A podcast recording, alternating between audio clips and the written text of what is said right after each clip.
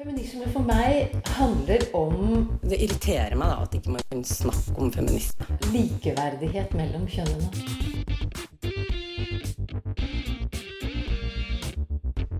Det blikket på kvinnen på film. handlet det om å bli tatt på alvor som jente.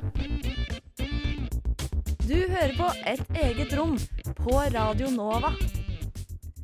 En følelse av krise, ekstremt dårlig samvittighet og kanskje noen lett gjennomskuelige løgner. Det er noen ting man ofte aller helst vil unngå, men hvorfor er det så vanskelig og sårt å avvise noen som er interessert?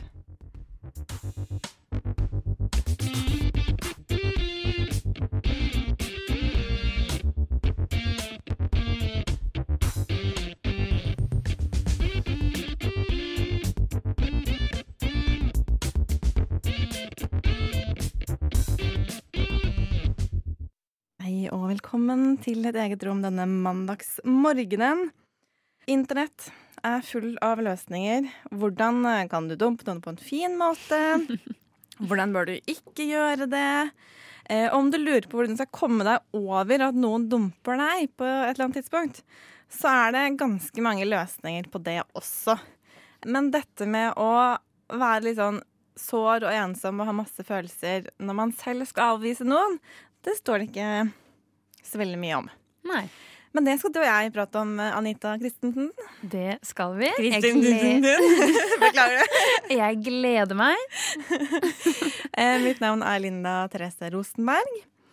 Det er jo vilt mye å si om det her, egentlig. Masse. Og jeg tror alle kan kjenne seg igjen i den forferdelige følelsen og den dårlige samvittigheten når du må fortelle noen at nei takk. Selv når det er vilt fremmede mennesker, så blir man litt sånn der Og selv når det er frekke mennesker òg, og innpåslitne frekke mennesker, så er det òg vanskelig. Definitivt. Heldigvis for oss, da, så har eh, vi snakket litt med en psykolog som kanskje kan uh, være med å forklare litt om hvorfor, uh, hvorfor det er litt vanskelig. Så jeg tror vi kan lære litt i denne eh, timen som ligger foran oss. Ja. Er du klar for å være litt sånn brutalt ærlig om deg selv? ja, jeg er det. Jeg er klar. Du er klar? Jeg er klar. Jeg vet ikke om jeg er klar. Jeg skal prøve å bli klar eh, litt fort. Hvorfor er det så himla vanskelig? For det handler veldig mye om hvordan ens egen selvfølelse er, på en måte. Hvor god kontakt du har med deg selv, og hvor trygg du er på deg selv. Hvis du er det, så er det på en måte lettere å, å møte mennesker rundt deg på en måte og være litt tydelig. Der hørte du stemmen til Anette Willeskom. Vi skal høre mer fra henne litt eh, senere i denne sendingen. Mens jeg liksom mentalt forbereder meg på, på min egen utlevering her, så kan vi starte med litt musikk. Tenk, vi gikk i demonstrasjonstog, og Ingrid Jeg vil Alle mennesker lo langs ruta. Du hører på et eget rom på Radio Nova. Du hører på et eget rom med Linda og Anita, og hovedspørsmålet i dag er jo egentlig litt sånn Hvorfor er det så vanskelig å si nei? Og jeg tror veldig mange kan kjenne seg igjen, eller har en em, erfaringssituasjon med at man rett og slett ikke klarer å si nei, og så havner man på de rareste dater med folk. Eh, ja, det kan jeg absolutt skrive meg på. Jeg har ikke telling på mange dater jeg har vært eh, med Altså hvor mange dater jeg har vært på med mennesker jeg ikke vil på date med. Fordi jeg hadde syntes det har vært for skummelt å si nei. Man blir jo ofte litt tatt på senga.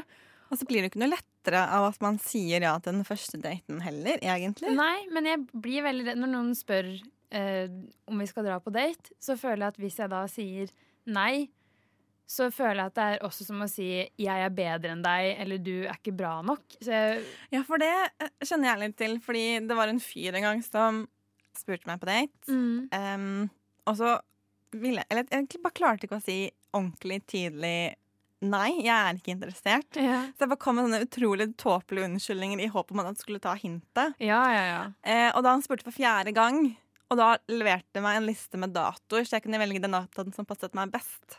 Oi. Så var det litt sånn OK, nå må jeg enten si ja, eller så må jeg si nei. Mm.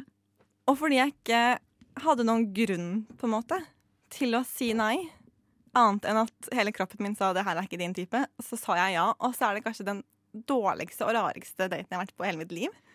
Ja, og så føler jeg altså En unnskyldning jeg har dratt, som egentlig er veldig kjip, og jeg vil jo ikke oppfordre andre til å gjøre det, og jeg ser jo nå eh, med etterpåklokskapens briller at det er ikke veldig hyggelig. Men jeg har jo, det er jo veldig mange ganger jeg har sagt sånn Å, det hadde vært hyggelig, men jeg skal til Hamar i tre uker. Eh, så vi kan jo heller snakkes nærmere da.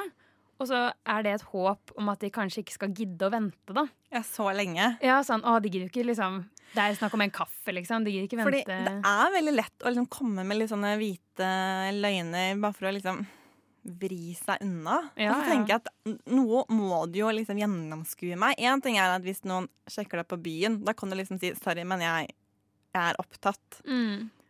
Men, men hvis det ikke er situasjonen Jeg pleier jo ofte, uavhengig av hva sannheten er, så pleier jeg å si jeg har kjæreste, fordi det er en utrolig lettvint måte å si nei på, og, det, og da oppleves det ikke som noe personlig. Det er liksom bare sånn, det har ikke noe med deg å gjøre, men jeg er i et forhold. Så eh, da kan ikke vi dra på date. Og det gjør jeg uavhengig om jeg er singel eller ikke, fordi jeg opplever, spesielt på byen, og jeg er litt redd for å generalisere nå, for det gjelder jo ikke alle, men eh, det er veldig mange som ikke tar nei for et nei, og tenker at det er en måte jeg prøver å være litt hard to get på, eller være litt sånn jo da, du vil jo det. Men hvis jeg sier at jeg er kjæreste, så opplever jeg at flere gir seg med en gang, fordi de kanskje respekterer andre menn eller det mer enn at jeg faktisk ikke vil, fordi de klarer ikke helt å tro på at eh, jeg bare ikke er interessert. Vanskelig. Ja, det, ja, det er litt vanskelig. Uh, og én ting er hvis man har drukket litt. Mm. Fordi da Jeg merker sånn hvis jeg er på en fest, for eksempel, da, hos noen, og så er det en som åpenbart er interessert. Ja. Da går jeg i sånn derre panikkmodus, og alt blir bare sånn utrolig melodramatisk. Jeg kan kjenne meg veldig igjen. Og jeg vet ikke hva jeg skal gjøre av meg, jeg vet ikke hva jeg skal si. Og det beste hadde sikkert vært å bare si sånn sorry, liksom. Men, men det er bare er tydeligvis veldig dårlig til å takle sånne situasjoner. Ja. Jeg tror, og så er det litt lettere når man ikke Når man er liksom helt edru. Ja, og en ting jeg syns er litt eh, synd, da, var at jeg opplevde at det var eh, en fyr som jeg hadde tatt én øl med for lenge siden. Det var veldig hyggelig, liksom, men eh, jeg følte ikke helt kjemien. Og så eh, spurte han senere da om at eh, hadde, kunne du tenkt deg å finne på noe igjen. Og da tenkte jeg nå skal jeg faktisk være litt tøff og fair, så da sa jeg at eh, du, det var veldig hyggelig, men jeg følte ikke helt kjemien. Og da sa han sånn eh, Det er helt fair. eh, Du er en kjempekul jente, liksom. Så det var leit. Men jeg skjønner det. Og da ble jeg faktisk veldig overrasket. Sånn wow, for en real fyr! Men det burde jo være en selvfølge. Herregud, jeg har jo aldri Jeg har jo opplevd at gutter ikke tar nei som et nei, og, og jenter òg kan sikkert være sånn, og fortsetter å ta kontakt. Eh, Men da ble jeg jo faktisk veldig overraska over at han bare var sånn Det skjønner jeg, det er greit. Og jeg syns det er leit at ok, men da er du en sykt real fyr, når egentlig det burde være en selvfølge at herregud, du skal respektere når noen sier nei eller sjakk. Men har du mange erfaringer med at du sier nei, og så bare kommer de tilbake igjen sånn, også flere dager etterpå? Ja, ja, ja. Jeg, jeg tror jeg Det har liksom vært et par som jeg faktisk har avvist sikkert tre ganger hver. Og jeg har jo blitt ganske sint de siste gangene. Da har jeg tenkt Nå har jeg sagt ifra såpass mange ganger at nå gidder jeg ikke være hyggelig lenger. Og så sier jeg fra veldig tydelig at jeg er ikke interessert. Vær så snill, ikke kontakt meg mer. Og enten så ender jo det opp med at eh, man eh, blir jo kalt liksom ikke så veldig hyggelige ting, og at det blir nesten en krangel. Jeg er ikke interessert i å krangle med noen jeg ikke kjenner. Så det har jeg opplevd, at noen bare ikke gir seg. Og det er jo Men det er veldig viktig for meg at det er en gjeng med ufine mennesker som smarte mennesker kan på en måte gjøre narr av sammen. At det er viktig å ikke analysere at sånn, sånn er gutter, og sånn er jenter, og sånn er alle andre, men at det er en kjip gruppe mennesker som smarte mennesker kan gjøre litt narr av sammen. Det er jo litt komisk. Eh, jeg, eh, I går så var jeg nesten på en slags terapitime. Okay. Eh, og følte at mye av det som ble sagt, det traff meg veldig, og at det ble litt sånn satt på plass uten at det var intensjonen. Okay. Eh, for i går så møtte jeg psykolog Anette Wilskov, og hun jobber annet med relasjonsterapi. Eh, og hun er veldig opptatt av at man må lytte til kroppen og ikke bare tankene. Og at man må ta hensyn til noe når man skal avvise noen eller takle en sånn situasjon. Fordi nå er nå, og man aner ikke hvordan situasjonen er om en ukes tid. Eh, altså vi skal høre om eh, hvorfor er det så vanskelig, og hvordan kan man på en måte bli bedre på å avvise folk? Altså Alle opplever jo en gang at man enten blir avvist, eller at man Mm. må avvise noen. Ja. Og så er det liksom alltid vanskelig. Hvorfor dukker det opp så mange tanker og følelser når man må si nei til noen? Det er jo vondt å bli avvist. Det vet vi jo, og vi har jo lyst til å fremstå som snille, sant, hyggelige, omtenksomme mennesker. Så derfor så er det mm, ubehagelig å avvise noen. De fleste av oss har jo opplevd å bli avvist selv, kanskje flere ganger. Og noen ganger er det vondere enn andre. Det kommer litt an på hvor nær relasjonen er, da. Er det nytt? Har man bare møtt hverandre så vidt? Har det bare kanskje vært en date, eller flere dater? Altså, så det har jo litt med det å gjøre òg. At man er litt usikker på sine egne følelser også når man står i den situasjonen? Det er eh, det som er mest vanlig. Det er jo egentlig at man kanskje er usikker på hva man vil selv, og hva man ønsker. Og det skal jo mye til for at begge er eh, si, helt i takt. Så noen ganger må den ene bruke lengre tid på å ja, kanskje bli litt tydelig for seg selv. Da. Bevisst for egne ønsker og behov. Så hvordan man skal kommunisere det til den andre, da. Det er det det går på litt her. Uten å på en måte øh, Sånn at den andre føler at det er noe feil med, den, med, med han eller henne, da. Så det er mer egentlig hvordan du kan snakke åpent og tydelig og ærlig om hvordan du føler det. Og ikke legge lokk på sin egen sårbarhet på en måte? Ja, det å vise sårbarhet, jeg tenker det er bare positivt. Og det gjør ofte at relasjonen blir tryggere. At du faktisk kan være litt åpen og si at dette syns jeg er veldig vanskelig. Fordi eh, jeg kanskje liker deg veldig godt, og samtidig så er jeg usikker på veien videre.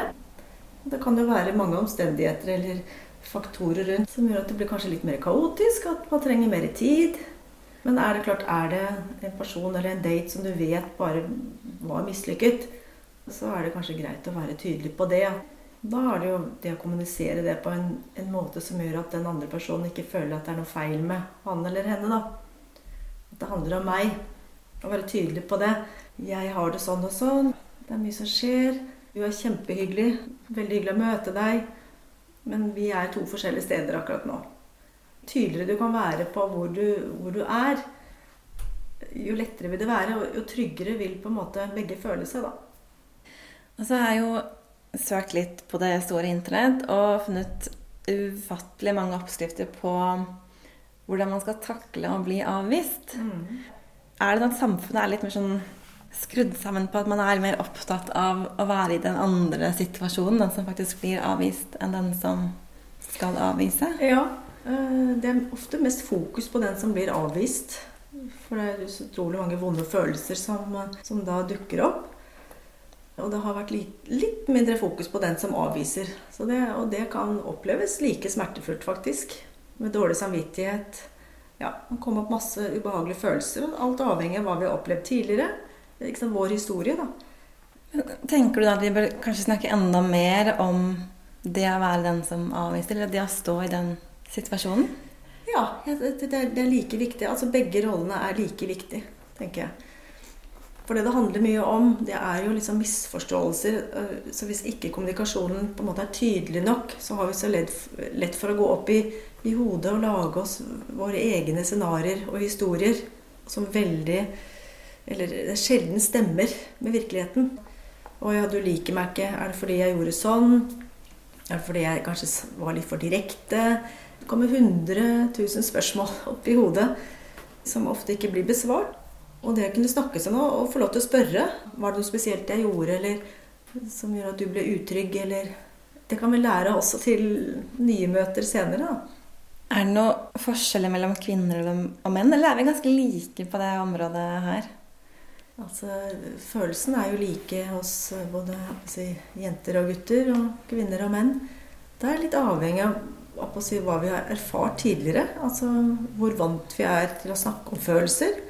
Og hvor bevisst vi er på oss selv, på en måte. Hvor god kontakt vi har med vår, egne, vår egen kropp. da. Så jeg, tror- jeg tror ikke det er noe sånn eh, at det er typisk for jenter eller gutter. Det er kanskje mer personavhengig hvordan vi skjuler det eller ja, ikke viser det frem. For vi er jo flinke til å gå inn i, i roller på en måte for å beskytte oss. Som er eh, også bra, men også så kan det jo være litt eh, beskyttelse som gjør at vi kanskje senere kan oppleve at det blir si, vanskelig i nye relasjoner. da. Og så har det jo blitt mer og mer snakk om dette med at man ghoster folk og bare liksom forsvinner sånn sakte ut. Hva er det en sånn opplevelse at, at det å bli utsatt for det, hva er det det kan gjøre med oss sånn emosjonelt? Det kan skape veldig mye angst. For du, du har mange spørsmål, og du vet ikke hva var det egentlig som skjedde. Og veldig ofte handler det om den personen som faktisk eh, bare trekker seg unna. Men allikevel så er det den som blir avvist, som ofte sitter igjen med veldig mye ubehag. Vi kaller det for noe som heter retrofleksjon. Det er litt sånn indre samtale med deg selv. Og det er sikkert ikke det. Det er sikkert um, fordi jeg gjorde det. Du har sånn indre dialog da, som, som ofte er veldig negativ. Det å vise sånn sårbarhet, eller det er viktig. For da er det lettere for den andre også å klare å vise det, eller tørre å vise det litt tilbake igjen. da. Og det er klart, det å vise sårbarhet, det er jo skummelt for mange. Men det er klart, det å øve seg, hvis du begynner litt og åpner opp litt, og så, og så ser litt responsen Så man kan rett og slett trene seg på Ja. å bli bedre på å avvise folk? ja. Og det å våge å utsette seg for å bli avvist, og det faktisk å måtte avvise selv, det er noe du kan trene deg på. Og det er også i relasjoner som er kanskje mindre farlige, men også kanskje relasjoner hvor det har blitt litt nærere. Alt handler om egentlig det å øve og, og trene og våge. Noe jeg kanskje opplever selv en gang, er jo at hvis man møter noen og man kjenner at nå må jeg snart avvise noen, for det er det tydelig at det er en interesse, så kan jeg liksom blåse det opp til noe veldig sånn melodramatisk og litt sånn krise. Kanskje ikke vente til det har gått for lang tid, men en gang du merker at du kanskje er litt usikker, så er det fint å, å si litt, eller sette noen ord på det. Og ikke vente til du virkelig bare merker at nå, dette går ikke lenger. Så blir det liksom en sånn voldsom, stor prosess, da. Og så er det kanskje mange som har vært i en situasjon hvor det de tenker på er en ny venn, viser at den andre vil egentlig noe mer, og så blir man kanskje litt sånn skuffa og lei seg. Er det også følelser man bør være litt sånn åpen om? Ja, absolutt. Hvis du får en fornemmelse at den andre på en måte forventer eller ønsker noe mer, og du ikke er der, så kan det også skape mye ubehag. ikke sant? For det skal veldig mye til ved at vi er på samme sted til samme tid. Og noen ganger er det én som trenger mer tid på å føle seg trygg. Og da er det fint å kunne si noe om det. Jeg får noen fornemmelse med at du ønsker noe mer enn det jeg er klar for akkurat nå. Og så sier de at jeg bare kjenner at jeg er litt sånn usikker, så jeg trenger mer tid. Hvis du klarer å si noen ord om hvor, du er hen, så, blir det på en måte mye tryggere i relasjonen. Og tror det er der det ligger. Du hørte psykolog Anette Wilskow om dette med å avvise folk og det å bli også avvist. Og hvordan du kan trene på å bli av, eller være den som avviser. Klokka er iallfall ti, og det betyr et eget rom. Du hører på Et eget rom. Ja, klokken er ett minutt over ti, og du hører på Et eget rom her på Radio Nova. God mandagsmorgen. Du hører på Radio Novas feministiske radioprogram. Eh, du hører på Radio Nova. Eh, et eget rom. Hva er greia med ghosting? Det skal vi snakke mer om her i et eget rom. Men vi er ikke de eneste som har diskutert dette temaet her, eller skal diskutere det.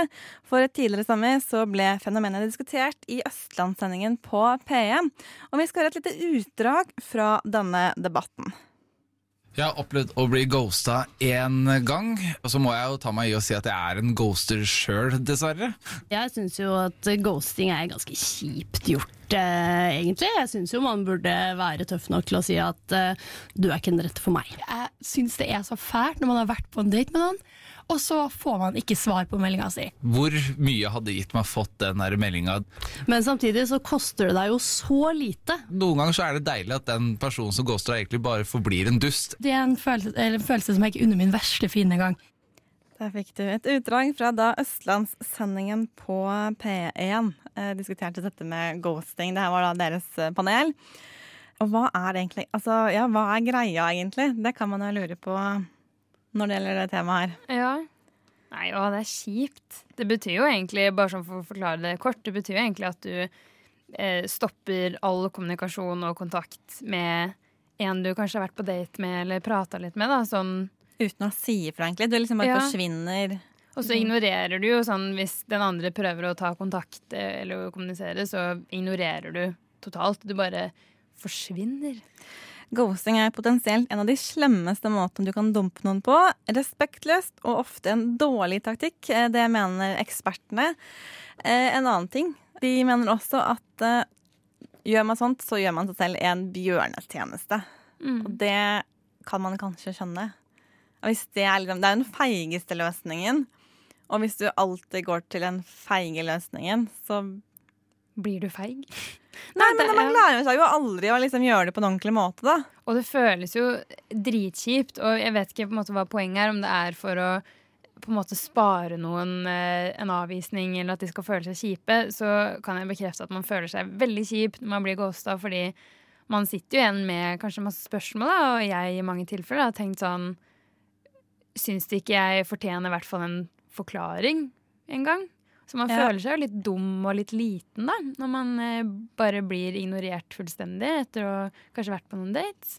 Ifølge noen artikler så er det en sånn teori om at man kanskje føler at man det å ghoste noen er litt mer skånsomt enn å si det rett ut at sorry, eh, jeg er ikke interessert.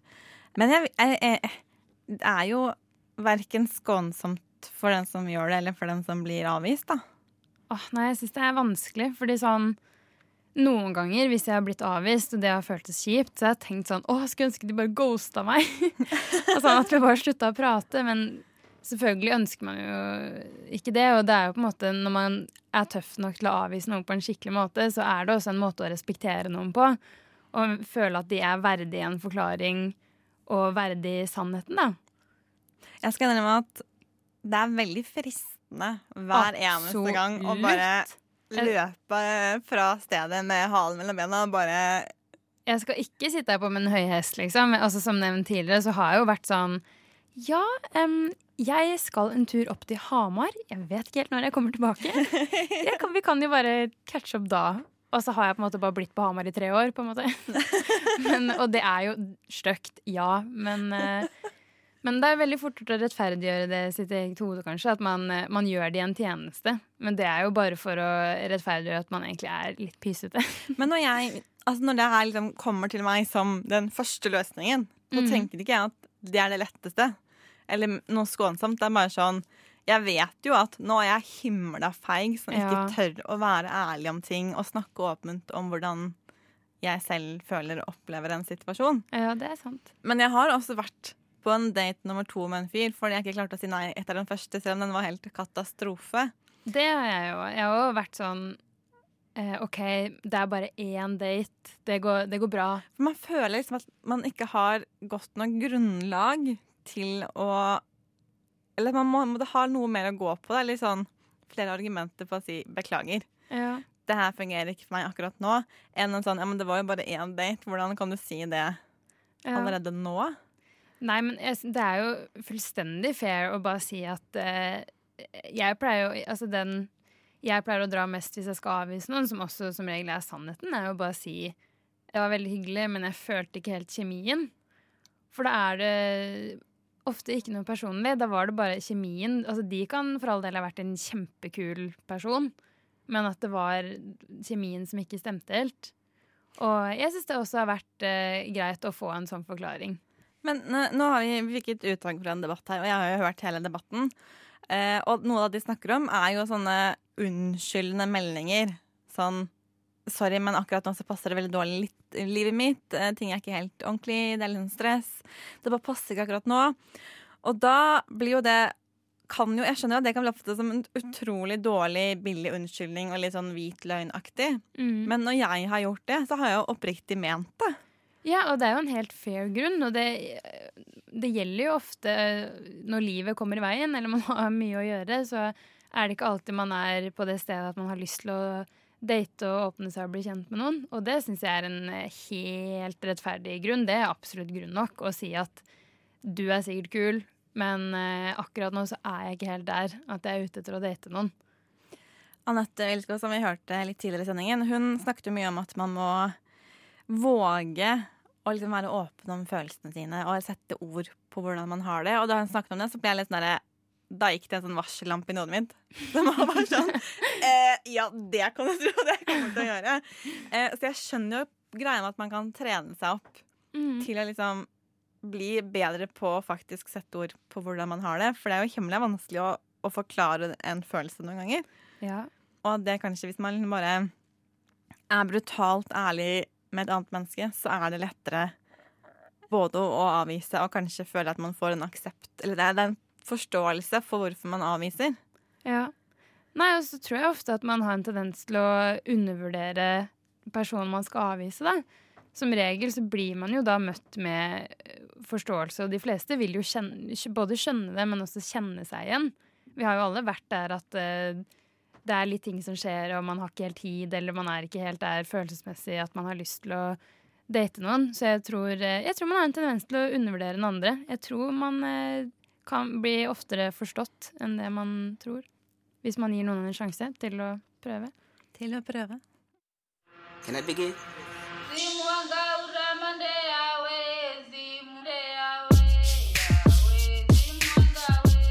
Feminism should be an inclusive party. Feminism should be a party full of different feminisms. Du hører på Et eget rom på Radio Nova. Please go out there and make feminism a big, raucous, inclusive party. For tre år siden så snakket vi om emneknaggen jeg har opplevd her i et eget rom. Og om du ikke husker hva greia var, eller rett og slett ikke husker dette i det hele tatt, her er et utdrag fra denne sendingen. Jeg har opplevd at en mann ikke ville slutte å ta på meg fordi han mente det var det jeg egentlig ville. Jeg har opplevd butikkjobb. Måtte be nabobutikkens vekter om hjelp til å fjerne mannlig kunde som tvang meg opp mot veggen og befølte meg. Jeg har opplevd at gamle menn spør om jeg tar private oppdrag hjemme hos dem når jeg er på jobb. Du husker den helt sikkert. Jeg har opplevd. Tusenvis av kvinner fra hele Norge brukte sosiale medier til å fortelle om egne erfaringer med seksuell trakassering. Hvorfor ble det så populært å fortelle disse historiene? Altså jeg tror det er en kombinasjon av at det nå ble en anledning, og at dette er et ganske alvorlig samfunnsproblem, og det er mye trykk.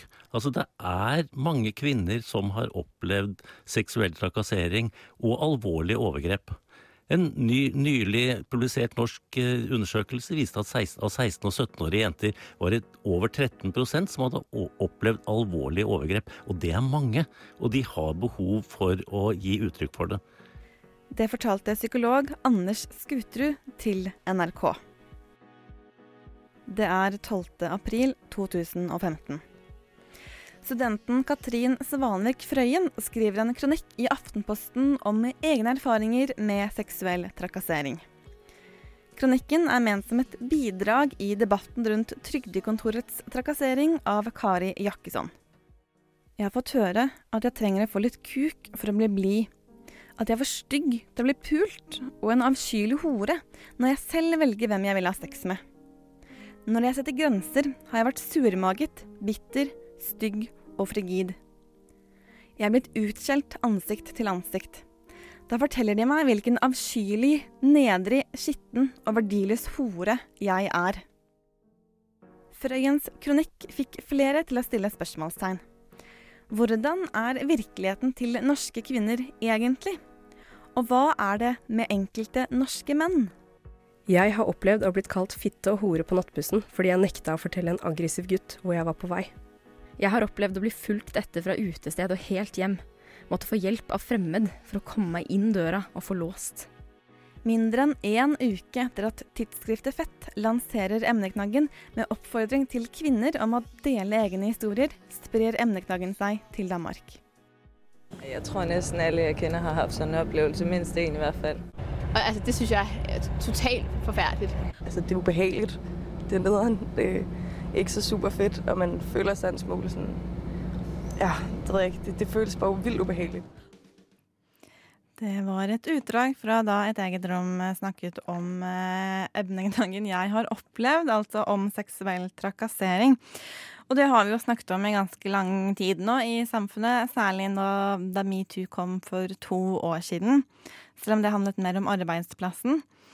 Jeg vet ikke med deg, Anita, men jeg kan liksom kjenne litt på det noen ganger at når man har hatt litt sånne ugreie opplevelser Mm. med liksom enkeltfolk, så blir man litt sånn farget av det når noen dukker opp, og sikkert er veldig hyggelige folk, eh, og som er interessert. Så, så blir jeg litt sånn Jeg vet ikke hvordan jeg skal takle den situasjonen her.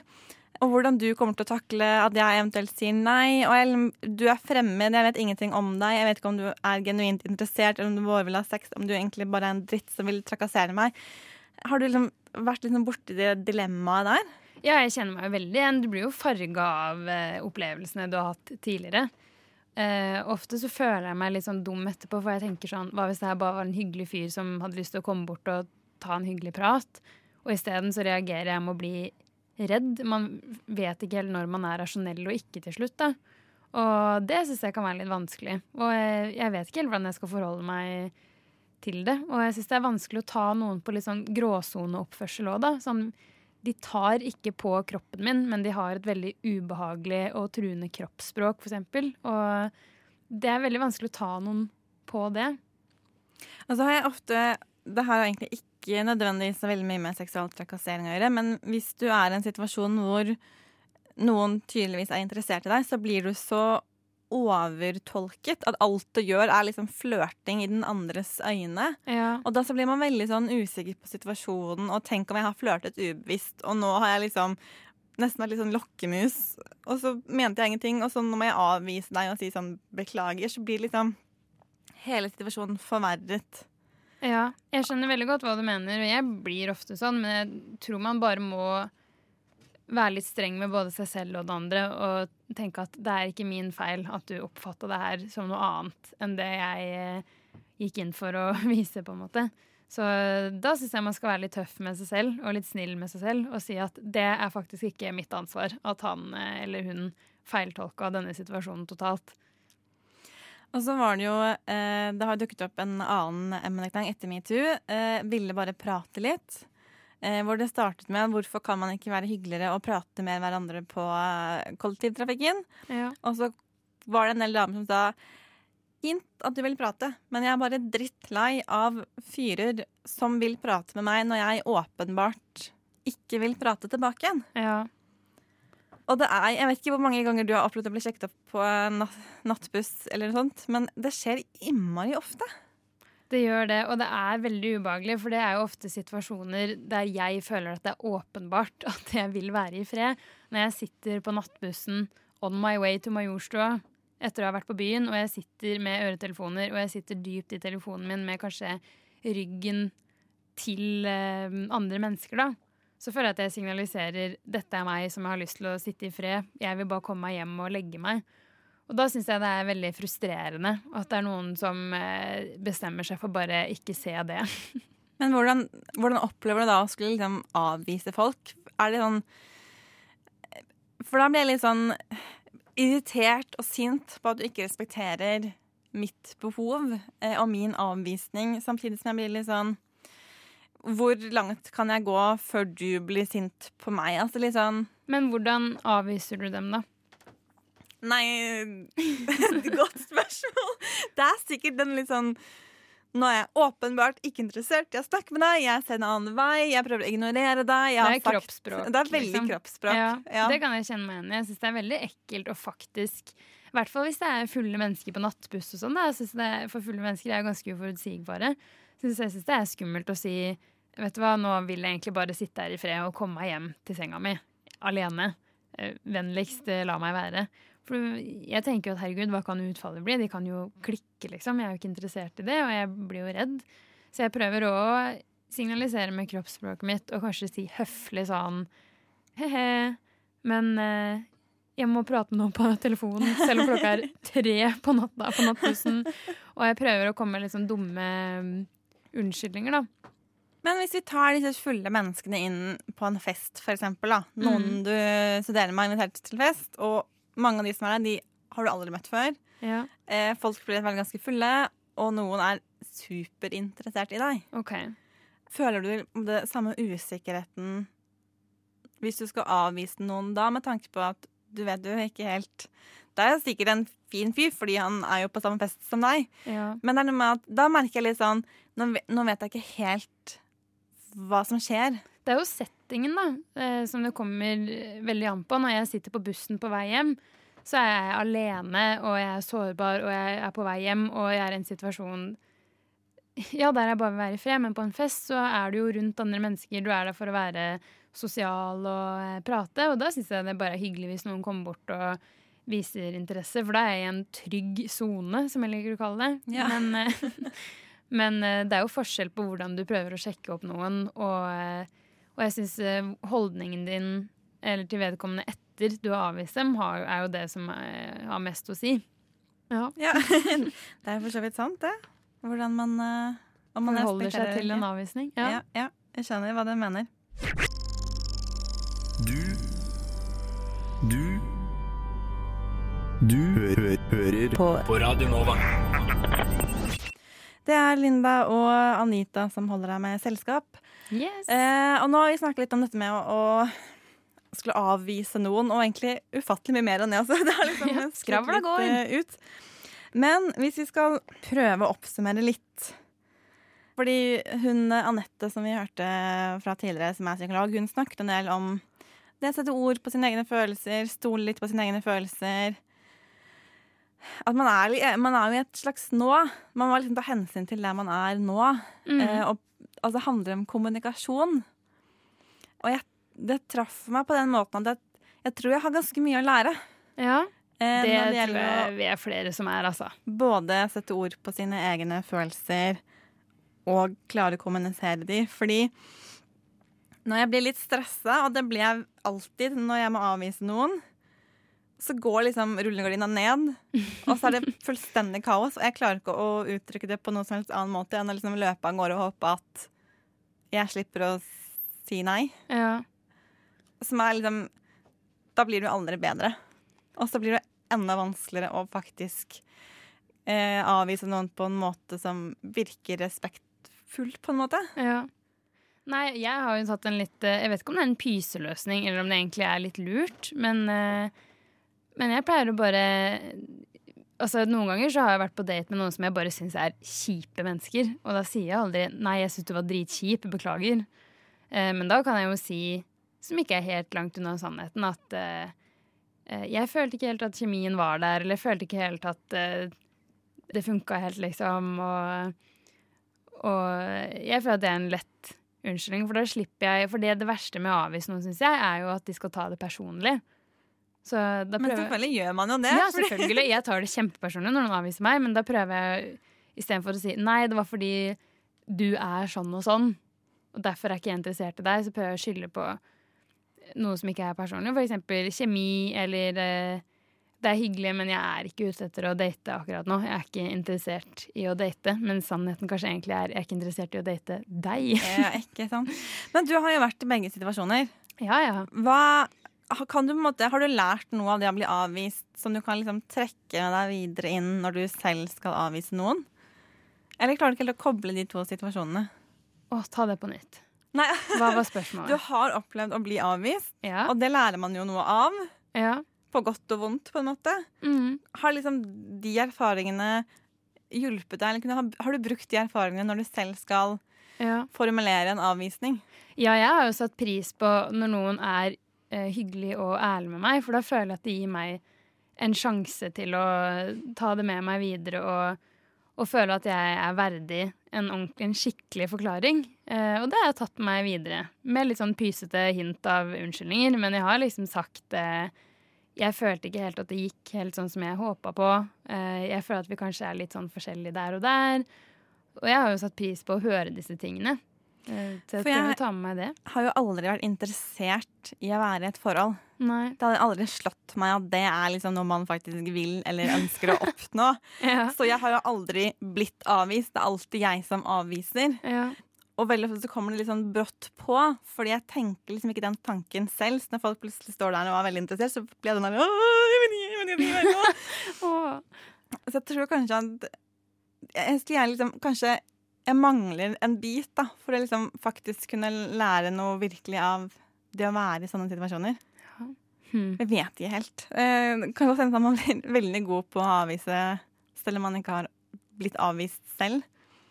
Men det er jo veldig vanskelig, og det syns jeg man skal tenke på. At det er eh, Altså, jeg syns det hjelper når jeg blir avvist. Så synes jeg det hjelper å tenke på at mest sannsynlig, ja, det er kjempekjipt for meg, men mest sannsynlig så er det ikke så veldig kult for dem heller. Det er ikke noe gøy å være den som må avvise og eh, føle på et ansvar at nå kommer jeg til å faktisk såre noen eller gjøre noen lei seg.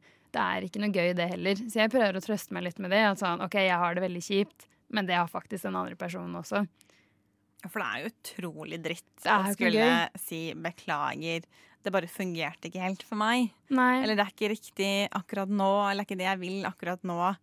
Du, var bare, du bare traff meg på feil tidspunkt. Men jeg er alltid veldig redd for at jeg ubevisst skal gi litt sånn inntrykk av at de kan komme en en annen gang. Ja, Og prøve på jeg er ikke helt klar akkurat nå. Ja. At de da kanskje tenker sånn Ja, men da prøver jeg om tre måneder. Ja. Men Åh, det er vanskelig. Da Vær ærlig, folkens. Vær ærlig. Vær ærlig, Linda. Vær ærlig. Vær ærlig. Eh, vi skal avrunde dette her temaet, og så skal vi få ukens feministiske nyheter. Du som er sliten og sinna og lei. Nå vil vi synge ei vise til deg om at kvinner kan si fra, protestere og slåss. Bli med hos oss. Du hører på Et eget rom. Likestilling kommer ikke av seg selv. Fredag 25. oktober lanserte FN-samholdet den nordsamiske oversettelsen av FNs bærekraftsmål.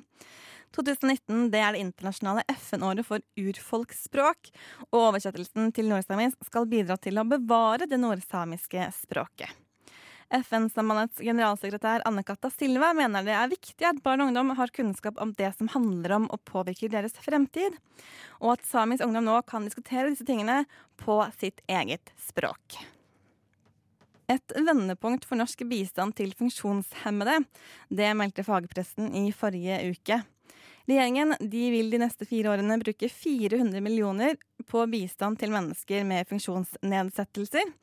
Og prosjektene som har fått penger, de skal gjennomføres i Mosambik, Uganda, Sør-Sudan, Niger og Somalia. Og et av målene det er at barn med funksjonsnedsettelser skal få en bedre skolegang. Krisesentre over hele landet opplever at norske menn leverer sine utenlandske koner på døra når de ikke lenger er interessert i dem.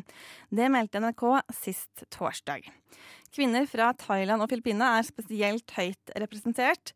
Og ifølge Svein Gjerseth, som er daglig leder ved krisesenteret i Telemark, så har mange av kvinnene opplevd fysisk og psykisk vold fra sin norske ektemann. Justisminister Gøran Kalmyr har sagt at han vil endre på reglene for utenlandsekteskap. Og målet er å hindre at utenlandske kvinner blir utnyttet av norske menn. Nok en gang skal medienes dekning av metoo diskuteres, denne gangen på journalistkonferansen Svartenatta i Tromsø i november. Redaktøren i det feministiske magasinet Altså, Ida Eliassen, er kritisk til sammensetningen av panelet, som utelukkende består av deltakere som har vært kritiske til mediedekningen. I en kronikk i Dagbladet skriver hun slik panelet er satt sammen, vil konklusjonen være at pressens håndtering av metoo er feil. Alt annet vil være et sjokk. Videre skriver hun at enkelte mediers feilgrep ikke bør få kvele en av de viktigste bevegelsene i vår tid, og viser til medienes viktige dekning av saker om maktmisbruk i flere bransjer. Du hører på Et eget rom.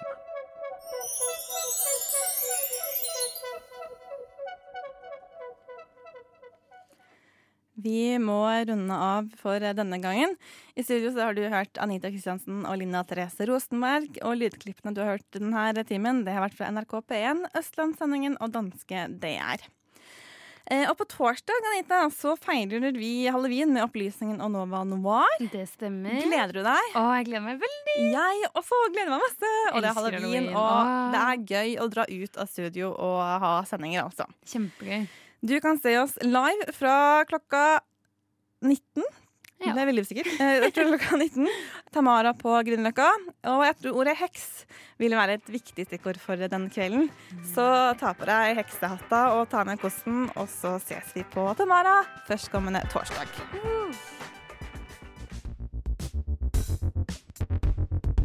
Du har hørt en podkast fra et eget rom på Radio Nova.